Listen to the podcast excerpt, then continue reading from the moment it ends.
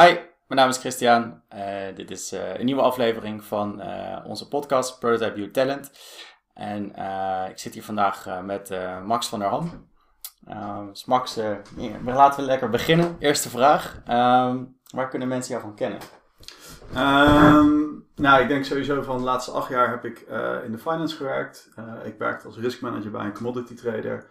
Uh, dus wellicht daarvan. Uh, voor de mensen in Den Haag, jullie hebben me vast wel ergens een keer gezien bij een koffietent of uh, bij LivePT waar ik vaak gesport.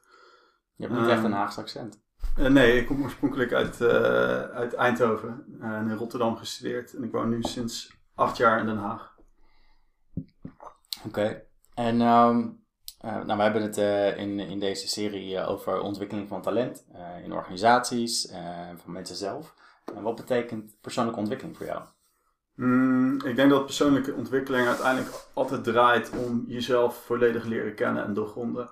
Um, daarmee aan de ene kant leren hoe je werkelijk functioneert, maar ook wie je bent, uh, waar je kracht zit en wat jou uniek maakt. En is dit iets voor jou waar je uh, op dagelijkse basis mee bezig bent? Of, of, doe je dat één keer per week, per maand, per jaar? Uh, hoe heeft dat een rol in jouw leven? Ik denk eigenlijk op, op, op constante uh, basis, omdat je op een gegeven moment je, je wordt steeds bewuster van jezelf. En dat is, dat is ook wel een proces. Ik denk ook als ik naar mezelf kijk en naar de ontwikkeling van de afgelopen jaren, is bewustzijn is daar gewoon een heel groot uh, aspect in geweest. En dat maakt, ik, denk, ik geloof dat je met bewustzijn ook vrijheid creëert. Um, en dat gaat erom dus eigenlijk op dagelijkse basis, met alles wat je doet, waar je mee bezig bent, waar je over nadenkt. Daar komt dat eigenlijk constant in terug. Ja, is dat een bewust proces voor jou? Is dat als je dan uh, ergens geweest bent en daarvan terug naar huis gaat, dat je daar een soort reflectie dan over hebt? Of ja, hoe gaat dat? Beide. Dus ik, ik, ik, ik zelf uh, schrijf vaak. Dus ik uh, dagelijks, wekelijks basis um, houd ik gewoon bij wat me bezighoudt. veel reflectie. Ehm, maar ook op de momenten zelf. Dus, uh, dus dat is, het is een beetje een combinatie van. Dus het is en op de momenten zelf en achteraf toch vaak van hoe kijk ik er nou tegenaan, maar ook wat doet het met mij. Uh, een beetje op die manier. Ja. En uh, op dagelijkse basis dan, dan is dat misschien wat organisch en, en een vanzelfsprekend proces. Ja. Als je nou teruggaat in, in, in, in de tijd en uh, een moment pakt waar je een moeilijke keuze hebt gemaakt of, een, of voor een grote uitdaging stond. Hoe ben je daar uh, mee omgegaan? Hoe ben je tot, tot een keuze gekomen of hoe, hoe ben je die uitdaging uit de weg gegaan? Nou, misschien wat ik eerst nog wel over wil zeggen ook, is dat denk ik als je het hebt over bewustzijn. Ik denk dat velen hebben al wel eens kennis gemaakt met mindfulness. En ik ben daar ook drie jaar geleden mee begonnen. En voor mij is dat heel waardevol geweest. En voor mij gaat mindfulness niet zozeer om het uh, mediteren aan zich, maar het gaat veel meer om het bewust worden van je gedachten, het onderliggende gevoel en de keuzes die je daaruit maakt. Um, en daarmee dus ook dat als je kijkt naar gevoel, speelt een hele belangrijke rol in ons leven. Gevoel, emoties. Um, maar daarmee is het ook heel complex, soms tegenstrijdig. Um, er zitten vaak angsten doorheen verweven. Dus daarna leren luisteren is best wel complex. En dat is denk ik uiteindelijk ook als je gaat kijken naar, naar bepaalde uitdagingen en keuzes die ik heb gemaakt. Van hoe kom je tot bepaalde keuzes, is dan ook. Um, ja, is, is, is, is, is ook. Juist daarom is het belangrijk om jezelf te leren kennen. Um, omdat je dan ook ziet van oké, maar wat is nou heel erg angstgedreven? Of ben ik ergens mee bezig waar ik gewoon echt niet blij van word? Mm um, ja, ik kan je wel een voorbeeld geven. Zeg maar, ik denk voor mij de belangrijkste keuze is afgelopen jaar is een jaar geleden geweest. Toen heb ik eigenlijk besloten om te stoppen met werk en een volledig andere richting op te gaan. Um, ik werkte, uh, wat ik al zei, bij een commodity trader. Had een hele goede baan, onwijs tof bedrijf. Ik had daar alle mogelijkheden. Um, maar tegelijkertijd merkte ik ook dat ik daar gewoon totaal niet meer in thuis paste. Ik ben zelf behoorlijk veranderd over de afgelopen jaren. En ik liep daar eigenlijk ook gewoon vast. En het, het was gewoon een, een soort werk wat niet bij mij paste. Ja, en dan is het vervolgens van hoe kom je dan toch tot de keuze om, om te switchen eigenlijk. Um, want zeker vanuit, vanuit angst gezien was de logische keuze om er toch te blijven. Om te zeggen van, nou, weet je, het is veilig. Ik heb hier veel mogelijkheden. Ik kan hier gewoon goed verdienen. Ja. Um, maar om daar doorheen te kunnen gaan en door die angst heen te kunnen kijken eigenlijk, is het ook belangrijk om jezelf te leren kennen. En, en dat ook te zien voor wat het is. Um, dus dat vergt een heel proces. Ik denk dat dat ook wel de belangrijkste boodschap is. Dat je tot dit soort keuzes, daar, daar gaat best wel een proces aan vooraf. Ja, het kost tijd dus ook. Ja. En eh, eh, je, je hebt een eh, grote verandering gemaakt uh, afgelopen jaar, zeg je. Dat is ook de reden waarom we hier nu in gesprek gaan. want we gaan het niet over de commodity trader en de finance hebben in dit gesprek. Wat, wat ben je nu gaan doen? Ik ben onlangs begonnen als, als coach. En ik ben daarin een complete nieuwe methode aan het opzetten voor coaching. En dat is eigenlijk niet alleen gericht op coaching, maar dat is coaching plus een heel ondersteunend traject gericht op ehm, een stukje educatie. Dus echt jezelf volledig leren doorgronden. Um, leren doorgronden hoe je als mens nu werkelijk functioneert. We denken eigenlijk allemaal als mens dat we heel rationeel zijn. Ik ben zelf ook heel rationeel opgevoed en ik zie het eigenlijk overal om me heen. En in werkelijkheid blijkt eigenlijk dat we dat helemaal niet zozeer zijn. En dat we eigenlijk veel complexer en daarmee soms ook warrig zijn. En um, dat er heel veel aspecten zijn die van invloed zijn op ons gedrag. Uh, nou, stress is natuurlijk iets waar je de laatste jaren veel over hoort. Um, ja, er wordt wel gezegd, stress is ongezond voor je, stress is je ziekmaker. Maar stress is ook een hele belangrijke drijfveer voor hoe we ons gedragen. Daarnaast zijn emoties, gevoel spelen een hele grote rol in, in je leven. Ik geloof ook niet dat er iets is als echt een tegenstelling tussen rationaliteit en gevoel. Want die twee zijn constant met elkaar in interactie. Um, dus dat zijn allemaal aspecten van, je, van jezelf die je, die je moet leren doorgronden. Um, en dat is eigenlijk waar mijn methode ook op gericht is. Dus echt al die aspecten van jezelf leren doorgronden. Hoe werkt je brein? Wat is de rol van je autonoom zenuwstelsel? Maar ook hoe werkt je onderbewustzijn? Waarom is verandering zo lastig? Allemaal vragen die, die ik probeer samen te beantwoorden. En daarbij gelijk de vertaling te maken naar jouw persoonlijke leven. Want de theorie is één ding, maar het gaat er daarnaast ook om van oké, maar wat betekent dit nou voor mij? Hmm. Waarom speelt dit zo'n belangrijke rol? En nog belangrijker, waar, wil je dit, waar heb je dit voor nodig, deze kennis? En ik denk dat dat ook belangrijk is om te benoemen dat op het moment dat je begrijpt en beter inzicht krijgt in hoe je nu werkelijk functioneert, dan ga je ook makkelijker zien waar je tegenaan loopt. Wat zijn de aspecten, de thema's waar je in beperkt wordt. En ook om ze op te lossen, wordt dan een stuk makkelijker. Juist om te, uh, wanneer je accepteert dat je gevoel, je onderbewustzijn zo'n grote rol in je leven speelt en dat daardoor verandering zo lastig is, wordt de verandering eigenlijk makkelijker. Dus het is een beetje een paradox. Ja, ja klinkt, klinkt, klinkt als ingewikkeld. ja. Maar, maar, daar ga jij mensen mee, mee verder helpen. En je vindt het dus ook belangrijk dat mensen gaan uh, begrijpen hoe dit soort uh, zaken spelen. Weet je? je hebt het over coaching en, en meer, een ondersteunend traject. Um, wat maakt het uh, voor jou van belang dat dat ondersteunend traject erin zit? Misschien eerst nog even terugkomen wat je net zei, van het klinkt ingewikkeld, maar mm. dat hoeft het eigenlijk helemaal niet te zijn. Want ik geloof juist doordat je het zo grondig aanpakt en daar een bepaalde structuur bij gebruikt, dat je daarmee ook juist snel de diepte in gaat en daarmee ook, ook, ook sneller resultaat kan bereiken. Maar het, is een heel, het lijkt zo'n tegenstrijdigheid. Um, en dat is ook met de hele methode waar ik me op richt, dat, dat ik geloof dat je moet zelf echt de verantwoordelijkheid nemen. En dat betekent niet dat, dat het makkelijk is. Dat betekent ook niet dat ik geloof in maakbaarheid en dat je maar alles uh, kan veranderen of dat je alles zelf moet oplossen. Want ik denk juist met, met goede ondersteuning kan je een hoop bereiken. Um, en dan is het hoe meer tijd je erin steekt, hoe, hoe, hoe sneller dat ook gaat. Dus mm. juist die grondige aanpak, waarbij je ook gedurende uh, het traject er constant zelf mee bezig bent, maakt ook dat je juist veel sneller um, resultaat bereikt en wellicht ook veel blijvender. Ja. Um, hè, dus we hadden het daar net al even over van verandering en ontwikkeling. Is het iets waar ik één keer per week mee bezig ben of voortdurend? En ik, ik, noemde al bewustzijn. Het is iets waar ik eigenlijk voortdurend mee bezig ben. En dat is ook waar ik echt in geloof. Dat uh, neem je die verantwoordelijkheid? Um, is het iets waar je op dagelijkse basis over nadenkt? In de vorm van reflectieopdrachten, um, op wekelijkse basis terugkijkt op je week. Van wat is goed gegaan, wat is fout, wat zijn de thema's waar je tegenaan loopt. Dat creëert zo'n enorme bewustwording. En juist met die bewustwording creëer je ook vrijheid. Ja, dus Dat, dat is echt een wezenlijk uh, aspect. En daarom denk ik dat op het moment dat je alleen maar één keer in de twee weken een coachgesprek doet, dat je um, veel langer duurt voordat je echt tot de kern komt. Terwijl als je dit combineert met een dagelijks, wekelijkse opdrachten stukje theorie, waarbij we dan weer constant vertalen met opdrachten naar jouw persoonlijke leven. Dat maakt eigenlijk dat het een soort van vanzelf in je systeem gaat zitten om daar constant over na te denken. Ja, ja, precies dat stukje van het moet op een gegeven moment in het systeem gaan zitten. Dat, het klinkt misschien voor mensen heel bijna vermoeiend dat, je, dat jij constant bezig bent met reflecteren en bewust met wat er allemaal gebeurt. En dat de hele dag door bij wijze van spreken doet. Uh, maar dat is natuurlijk een heel proces aan vooraf gegaan voordat je daar komt. Uh, en dat dat eigenlijk een automatisme wordt. Uh, er zitten veel leuke overlappen in met de Prototype U methode ook. Daar hebben we het al, al eerder over gehad. Um, dat hele bewustwordingsproces, dat, dat, dat, gaat niet van de een op de andere dag. Dat is ook wat je aanbiedt aan mensen. Als we nu even heel ver terug in de tijd gaan en we kijken naar Max 10 jaar geleden. Met de kennis van nu, wat voor advies zou je die Max geven? Vind, vind ik een lastige vraag, omdat ik aan de ene kant uh, zoiets heb van, nou, ik ben best wel blij met waar ik nu sta en welke stap ik heb gezet in de afgelopen jaren. Uh, dus wat dat betreft zou ik daar eigenlijk ook niks aan willen veranderen.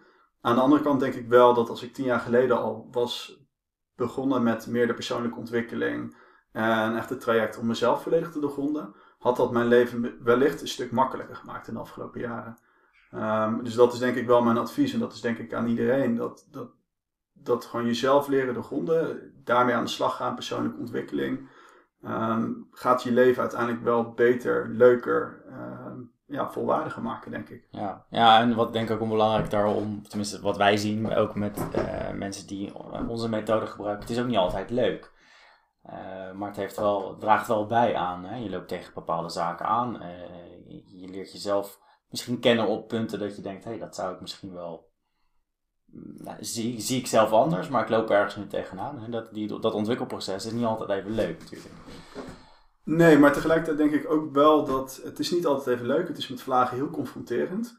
Maar vaak de, de, de, de vormen van afweer die we allemaal hebben ontwikkeld in de loop van de jaren is, is vele malen pijnlijker dan op het moment dat je er echt mee aan de slag gaat. Dus de angst voor is vaak groter dan het, het, het, thema zelf. Ja.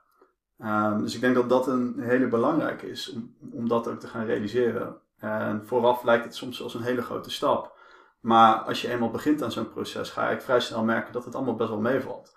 Dat het ook, natuurlijk, het is met vragen confronterend, maar er zitten ook veel momenten in waarbij je ook al duidelijk gaat zien, ook al vrij snel, van, dat het je ook heel veel gaat opleveren. Ja.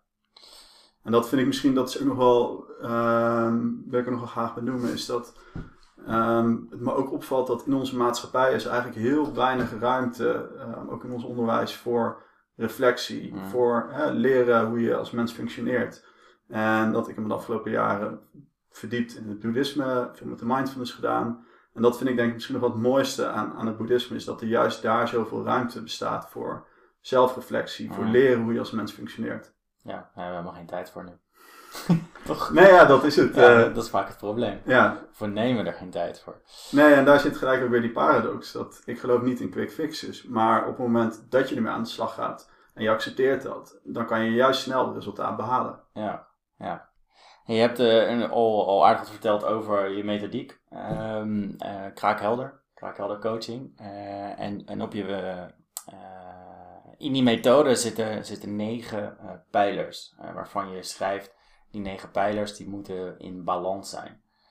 Uh, zonder dat we eh, helemaal uitweiden over de inhoud van al die negen pijlers, wat maakt het voor belangrijk dat die negen pijlers in balans zijn? Waarom is dat zo'n belangrijk punt in, in de methodiek die je gebruikt? Nou, ik denk, ik noemde net al, ik ben al ingegaan op de beperkte rationaliteit en hoe mm. je gevoel eigenlijk een veel grotere rol speelt in ons leven dan we veel van ons denken. Um, en daarmee komt ook dat um, eigenlijk als je kijkt naar hoe we als mens functioneren, dan is zowel het fysieke, mentale als emotionele aspecten zijn allemaal van belang. Um, dus bijvoorbeeld met gezonde voeding, voldoende beweging en voldoende rust kan je al heel veel verandering teweeg brengen. En daarmee bedoel ik van als je meer gaat bewegen, zal dat ook invloed hebben op hoe je je mentaal voelt. maar omgekeerd is het ook zo dat als je alleen maar daarop richt, en tegelijkertijd weet je van jezelf totaal niet hoe je in elkaar zit. Um, sta je niet in contact met je eigen gevoel, dan zal je nooit eigenlijk daar een volledige goede balans in vinden. En dan blijf je altijd wel tegen bepaalde dingen aanlopen. Ja, ja dus je kijkt echt naar uh, niet per se waar misschien uh, de eerste oorzaak van een bepaald probleem naar boven komt, maar je kijkt echt naar echt het totaalplaatje. Omdat alles zo met elkaar verbonden staat. Ja, ze staan ook met elkaar verweven. En misschien kan ik daar wel een voorbeeld van geven. Is, ehm, nou, we hebben net al even stress benoemd. Hmm. Stress is, er wordt veel over gesproken. Ik zei net al van stress is een belangrijke drijfveer voor veel van ons gedrag. Hmm. Ehm, maar stress is ook heel persoonlijk en subjectief en is afhankelijk deels van wie je bent en gewoon ehm, ja, je genen, om het even zo te noemen. Maar daarnaast ook van jouw verleden. Dat komt heel primair eigenlijk neer op hoe je bepaalde situaties als veilig of onveilig ervaart. En daarmee komen ook hè, bepaalde emoties naar boven. Dus wat voor de een als onveilig, als stressvol uh, wordt, wordt ervaren, is voor de ander misschien iets wat, wat volledig oké is. Ja. Denk maar aan spreken in het openbaar. Maar er zijn zoveel dingen in je dagelijks leven waar dat eigenlijk bij naar voren komt. Um, ga je op een gegeven moment van jezelf leren van, maar wat zijn nou dingen waar ik uh, stress door ervaar? En waar loop ik nou tegenaan? Dan, dan kan je daar ook naar gaan kijken aan de ene kant van, oké, maar is dan hetgeen wat ik op dagelijks basis doe, mijn werk, past dat bij wie ik ben? Um, maar aan de andere kant kan het ook zo zijn dat juist door je verleden, doordat je bepaalde onopgeloste trauma's, thema's hebt, um, die kunnen er ook juist voor zorgen dat je de manier waarop je stress ervaart ook exponentieel groot is. Hmm. Um, om je een voorbeeld te geven, als jij heel onzeker bent, dan zorgt dat ervoor dat eigenlijk kleine dingen kunnen een relatief grote impact op je hebben. Ja. En onzekerheid is over het algemeen niet iets wat aangeboren is. Dat is echt iets wat ontstaan is, veelal in je jeugd. Um, en ik geloof daarmee ook dat iets wat aangeleerd is, kan je ook wel afleren. Ja. Hoe lastig dat soms ook is. Zeker als je kijkt naar, naar onzekerheid en als dat voortkomt uit onveilige hechting, dan, is dat, dan zit dat vaak zo in onze persoonlijkheid verweven. Um, waardoor je er ook op heel veel aspecten in je leven waarschijnlijk door beperkt wordt. Alleen het goede nieuws is wel dat wanneer je er echt mee aan de slag gaat en gaat leren waar het vandaan komt, dat doorgronden. En niet alleen op rationeel niveau, maar je leert ook daarmee uh, laag dieper te komen om echt dat gevoel te gaan onderzoeken. Dan gaat het ook veranderen. Ja, klinkt als een uh, mooie uitgebreide methodiek, uh, waar je volgens mij nog uren over verder kan praten. We komen daar zeker aan het einde van dit gesprek op terug hoe mensen jou kunnen vinden, waar ze kunnen vinden en gebruik kunnen gaan maken ook van deze methodiek. Ik wil nu graag uh, kijken naar, uh, um, uh, naar bedrijven, naar organisaties, waar, ja, waar de gemiddelde persoon toch aardig wat tijd doorbrengt en daar ook mee on ontwikkeling beïnvloedt. Um, wat is jouw visie op de ontwikkeling van talent, mensen in, in organisaties? Ja, ik denk dat ook daar dat um, heel erg van belang is om te zien dat we dus, we zijn niet zo rationeel. Um, er zit enorm veel diversiteit in, in menselijk gedrag. En ik geloof juist binnen organisaties, als je eenmaal accepteert dat mensen zo verschillend van elkaar zijn.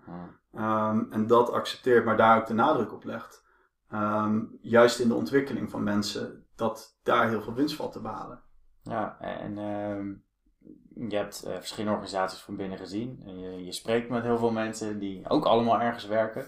Hoe, uh, hoe gaan gemiddeld gezien organisaties hiermee om als je daar vanuit jouw visie naar kijkt? Nou, ik denk dat veel dat, dat vaak binnen organisaties nog best wel een ouderwets idee op, op, werken bestaat. Ja. Um, de, de achtuurige werkweek is, is daar een voorbeeld van. Werkdag, denk ik. Sorry, de acht, acht uur werkdag. Um, ja, je kan je daarvan afvragen van of dat nou zo gezond is om acht uur per dag achter een pc te zitten. Hmm. Um, net als de kantoortuinen. Van in hoeverre is het nou goed om met 20, 30 man op één vloer te zitten en constant afgeleid te worden. Als je kijkt naar hoe je brein functioneert, ja. dan uh, multitasken bestaat eigenlijk niet. Het enige wat ons brein doet is constant switchen tussen taken. Nou, als je dat maar vaak genoeg doet op een dag, dat zorgt voor enorm veel uh, prikkels, kost veel energie. Ja. En het is eigenlijk, ja, werkt eigenlijk helemaal niet effectief. Net als het, uh, de e-mailnotificaties, hoe we daarmee omgaan. Hmm. Dus ik denk dat dat, maar dat heeft misschien minder te maken met, uh, met talentmanagement, maar wel hoe ga je om met, met personeel. Dus ik denk dat dat ook um, een belangrijk aspect is al van dat we toch op een andere manier zullen moeten gaan omgaan, ook met hoe we werken. En dat juist in de afgelopen jaren zie je eigenlijk dat er een enorme toename is geweest van prikkels in de vorm van e-mail, van informatie, uh, die heel de dag tot ons komt.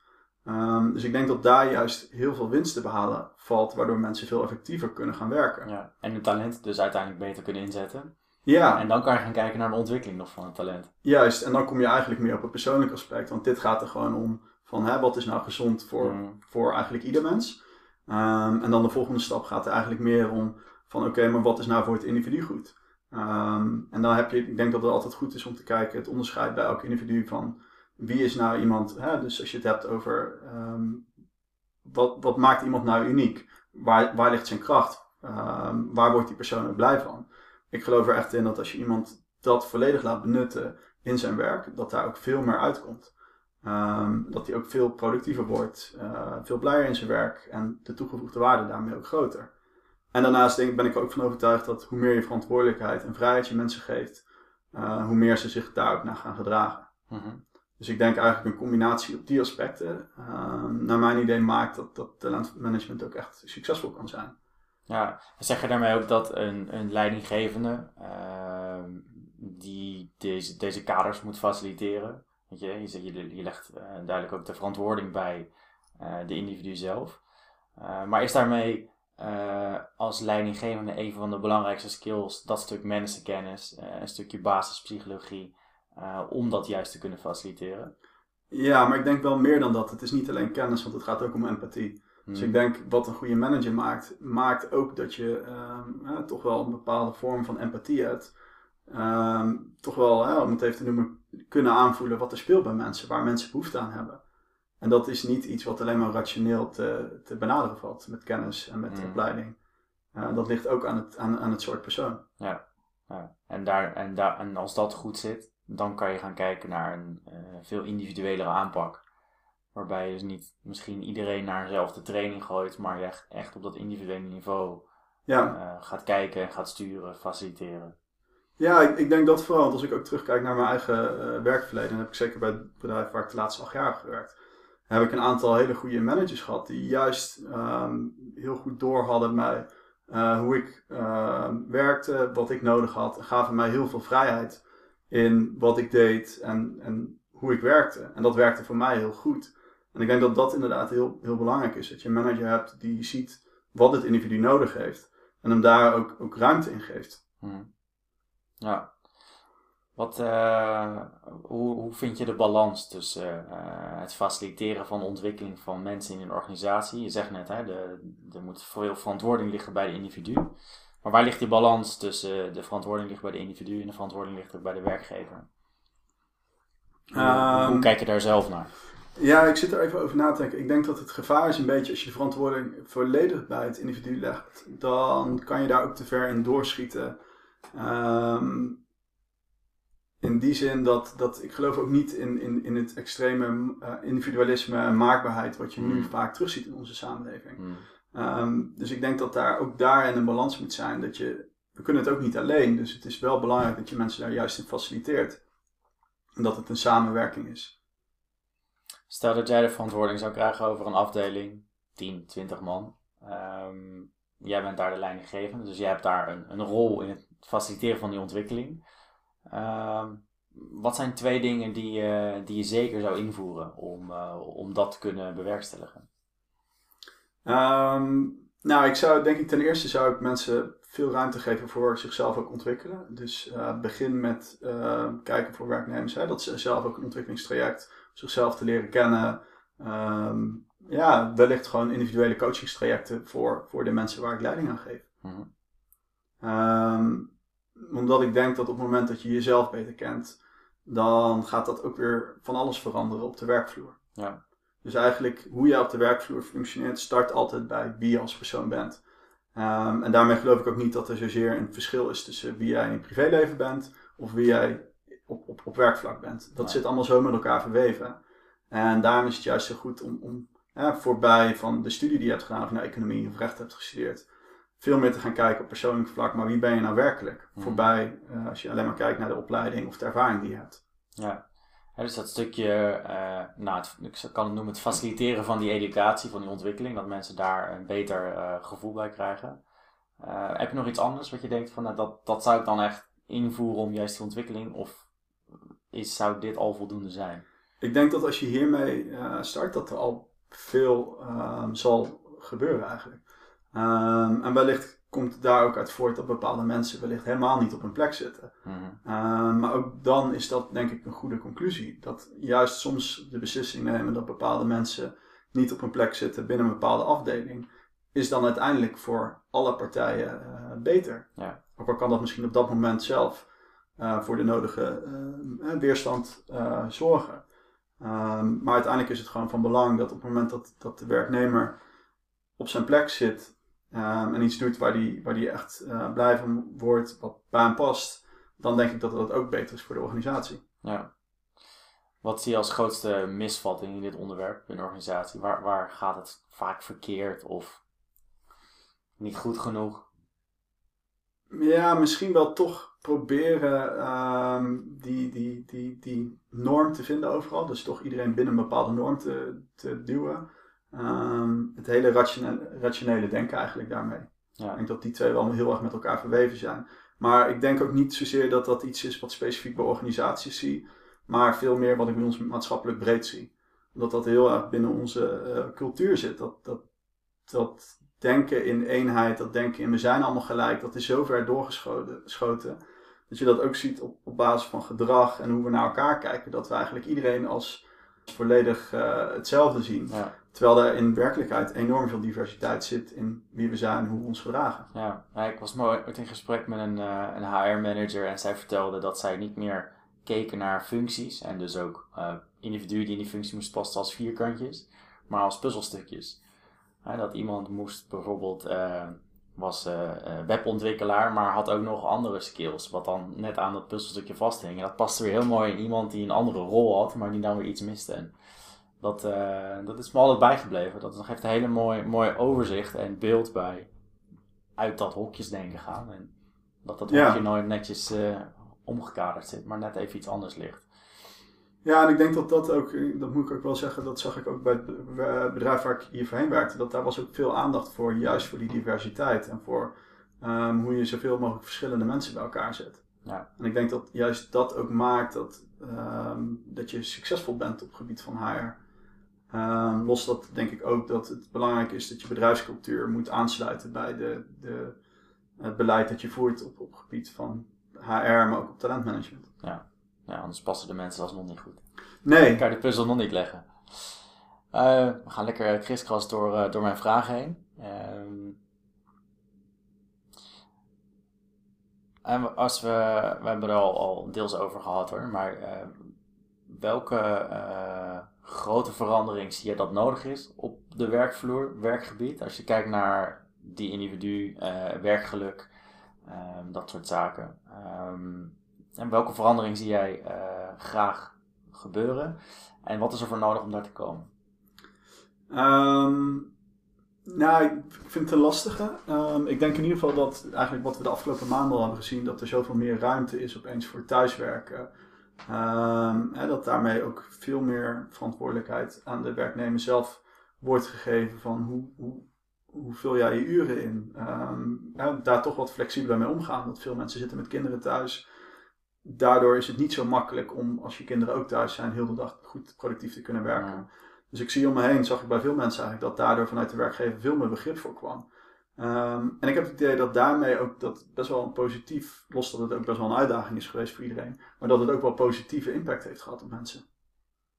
Ja, dus die, de, het wat meer loslaten van de, de kaders zoals we die al tig jaar kennen. Ja. Uh, op kantoor zitten tussen bepaalde tijden. Uh, dat is, dat is iets wat jij ziet als super belangrijk om los te laten. Gaan we dan niet dat werk en privéleven te veel mixen, waardoor dat, dat, dat weer een grote uitdaging en, en verkeerde stressfactor wordt? Ja, ik, ik, denk dat daar gewoon voor iedereen een goede balans in moet worden gevonden. Dus uiteindelijk, uh, een van de pijlers waar ik me ook op richt, is, ritme en structuur. Uh, we zijn als mens gewoontedieren en daarmee is het gewoon belangrijk dat je wel een bepaalde structuur hebt. Alleen het gaat er dan niet zozeer om van niet hebben van structuur, maar meer of die structuur van acht uur per dag op kantoor zijn voor jou werkt. Er zijn ook genoeg mensen waar dat denk ik wel goed voor werkt. Of waar misschien zes uur op dag, drie dagen in de week op kantoor werkt en de overige dagen thuis. Maar ik denk dat dat veel meer om een balans gaat daarin vinden van oké, wat werkt beter voor het individu. Dan zo vasthouden aan die, die, die acht uur, dat oude denken op hoe we op kantoor zouden moeten werken. Ja, ja, dat, dat stukje individu, individueel gericht, dat komt eigenlijk steeds terug in ons gesprek. Ja. Volgens mij is dat ook een beetje de, de, de grote conclusie waar we het over hebben. Dat de, de, als je naar ontwikkeling van mensen kijkt, dat je veel en veel meer op die individu moet richten. en daar een individueel traject voor moet maken. Ik denk aan de ene kant wel, aan de andere kant niet. Ik denk dat het goed is om te kijken naar het individu. maar tegelijkertijd moeten we daar ook realistisch in zijn. Dat je kan daar ook niet uh, volledig uit het oog verliezen wat je als, als bedrijf nodig hebt. Hmm. dus ik denk dat daarin moet er ook een goede afweging zijn tussen de behoeften van het individu versus wat is je doel als bedrijf zijnde. Um, en dan denk ik meer dat op het moment dat blijkt dat een bepaald individu dusdanig andere dingen nodig heeft, die zo niet in verhouding staan tussen, tussen wat je als bedrijf nastreeft, dat daar geen match is. Hmm. Um, dus ik denk ook niet dat je daar volledig in mee hoeft te gaan in wat het individu ten alle tijde wil. Maar ook daarin gaat het om een goede balans zoeken. Ja, ja ook een keyword, balans. Balans is uh, zeker een keyword. um, als nu uh, iemand die, die zit te kijken of te luisteren uh, denkt van nou, de, die, Max die, die heeft rake, rake dingen, rake opmerkingen. Hier, hier wil ik wat mee. En ik, en ik geef leiding aan, aan een aantal mensen. Wat, waar zou die persoon morgen of vandaag mee, mee kunnen beginnen? Wat, wat zou daar je advies zijn? Um, nou ja, ik, ik zou zeggen van ga, ga aan de slag met coaching. Als je ziet dat mensen uh, zich verder zouden kunnen ontwikkelen, laat ze daarmee starten. Um, ik denk namelijk dat met een kort coachingstraject dat je al heel veel verschil kan maken voor het individu. Dat is ook de methode waar ik me op richt. ik, heb een, ik bied een, een, een methode eigenlijk aan van 24 weken waarin je in 24 weken, één keer in de twee weken, eh, een coachgesprek hebt. En ondersteunend daarbij dus een heel traject. Ehm, gericht om, om eigenlijk echt tot een blijvende verandering. En zo diep mogelijk, uh, zo grondig mogelijk inzicht in hoe je als mens nu werkelijk functioneert. Ehm, nou, ik ben dat nu aan het opzetten. En juist daarom ook ben ik nu de eerste vier ehm, cliënten die, uh, die bij mij starten, ga ik het ook voor de helft van de prijs aanbieden. Omdat het gewoon nog niet helemaal uh, perfect is. Dus vandaar dat het ook uh, voor gereduceerd tarief nu aanbiedt. Oké, dat, uh, dat klinkt denk ik interessant. Um, dan hebben we het over, mijn vraag was wat kan die leidinggevende morgen mee starten? heb je het over coaching en, en ik ben het daar met je eens. maar aan de andere kant zijn er ook veel mensen die bij het woord coaching, ik denk gewoon een gemiddelde medewerker bij een gemiddeld bedrijf in een kantoor aanwijst en vraagt: Hey, wil jij coaching? Dat die denkt: Nou, heb ik niet nodig. Wat is jouw boodschap voor mensen die, die vooral met die blik naar coaching kijken? Van ja, ik heb, ik heb nergens last van, dus ik heb ook geen coach nodig. Ja, dan is de vraag, de eerste vraag is, maar is dat zo? Heb je nergens last van? Um, en dan wil, ik niet iedereen wat mij aanpraten, omdat ik denk er zijn genoeg mensen die het ook echt niet nodig hebben. Uh, tegelijkertijd denk ik ook dat het eigenlijk voor iedereen uh, waardevol kan zijn om eens een keer in zijn traject uh, te stappen en daarmee aan de slag te gaan. Ik denk dat het je leven rijker en, en, en, en uh, kan maken, dat het je leven kan veranderen. Mm. Um, en natuurlijk is het voor niet iedereen noodzakelijk. Maar ik denk wel op het moment dat je merkt dat je op bepaalde vlakken vastloopt, dat je niet helemaal lekker in je vel zit, dus je merkt dat je veel last hebt van spanningsklachten, um, eh, wellicht heel onzeker bent, dat zijn wel thema's waar je bij aan de slag kan. Ja, ja vooral kan. Niet moet, maar kan. Nee, dat een, uh... nee, en daar start het altijd mee. Kijk, het gaat ten alle tijde om uh, dat de verantwoordelijkheid ligt bij iemand zelf om daarmee aan de slag te willen en, en, en die stap te zetten. Ja. Um, is dat al iets wat je niet wil, dan, dan heeft het ook geen zin. Dus de verandering begint echt bij jezelf. Ja, ja. Dat uh, klinkt als een cliché, maar het is zo verschrikkelijk waar. um, wat, waar liggen jouw eigen ambities voor de toekomst? Uh, nou, voor de komende jaren uh, in ieder geval om mijn methode verder uit te werken. Uh, dus daar ben ik nu vooral mee bezig. Ik ga me op den duur uh, ook richten op mindfulness. Ook omdat ik geloof dat juist mindfulness ehm, een belangrijk onderdeel is. Ook in, in persoonlijke ontwikkeling. Dat dat heel veel kan doen voor mensen. Ehm, dus dat zijn denk ik de twee dingen waar ik me voorlopig op richt. Langere termijn heb ik ook nog steeds wel de ambitie om weer te gaan schrijven. Maar dat is echt iets voor langere termijn. Langere termijn. We hebben het al even gehad over uh, kraakhelder coaching. Um, mensen die, die hier nu naar kijken, naar luisteren en uh, nou, meer van jou willen weten, uh, of meer over jouw methode willen weten, waar, waar kunnen ze je vinden? Hoe kunnen ze contact met je opnemen? Nou, ik denk mail, LinkedIn, telefoonnummer komen allemaal onderin te staan. Ik zorg dat ze in beeld staan. De website is, wordt momenteel gebouwd. Die gaat binnen een week of vier, zal die ook live gaan. Um, ja, voor de mensen die geïnteresseerd zijn in coaching, ik bied nu, omdat ik net ben begonnen, voor de eerste vier cliënten uh, bied ik het uh, traject voor gereduceerd tarief aan. Gaat dan om een 24 weeks traject van één keer in de twee weken coaching. En dat voor de, uh, voor de helft van het normale tarief. Dus ben je geïnteresseerd, neem contact met me op. Gaan mensen zeker doen. Dankjewel. Dankjewel.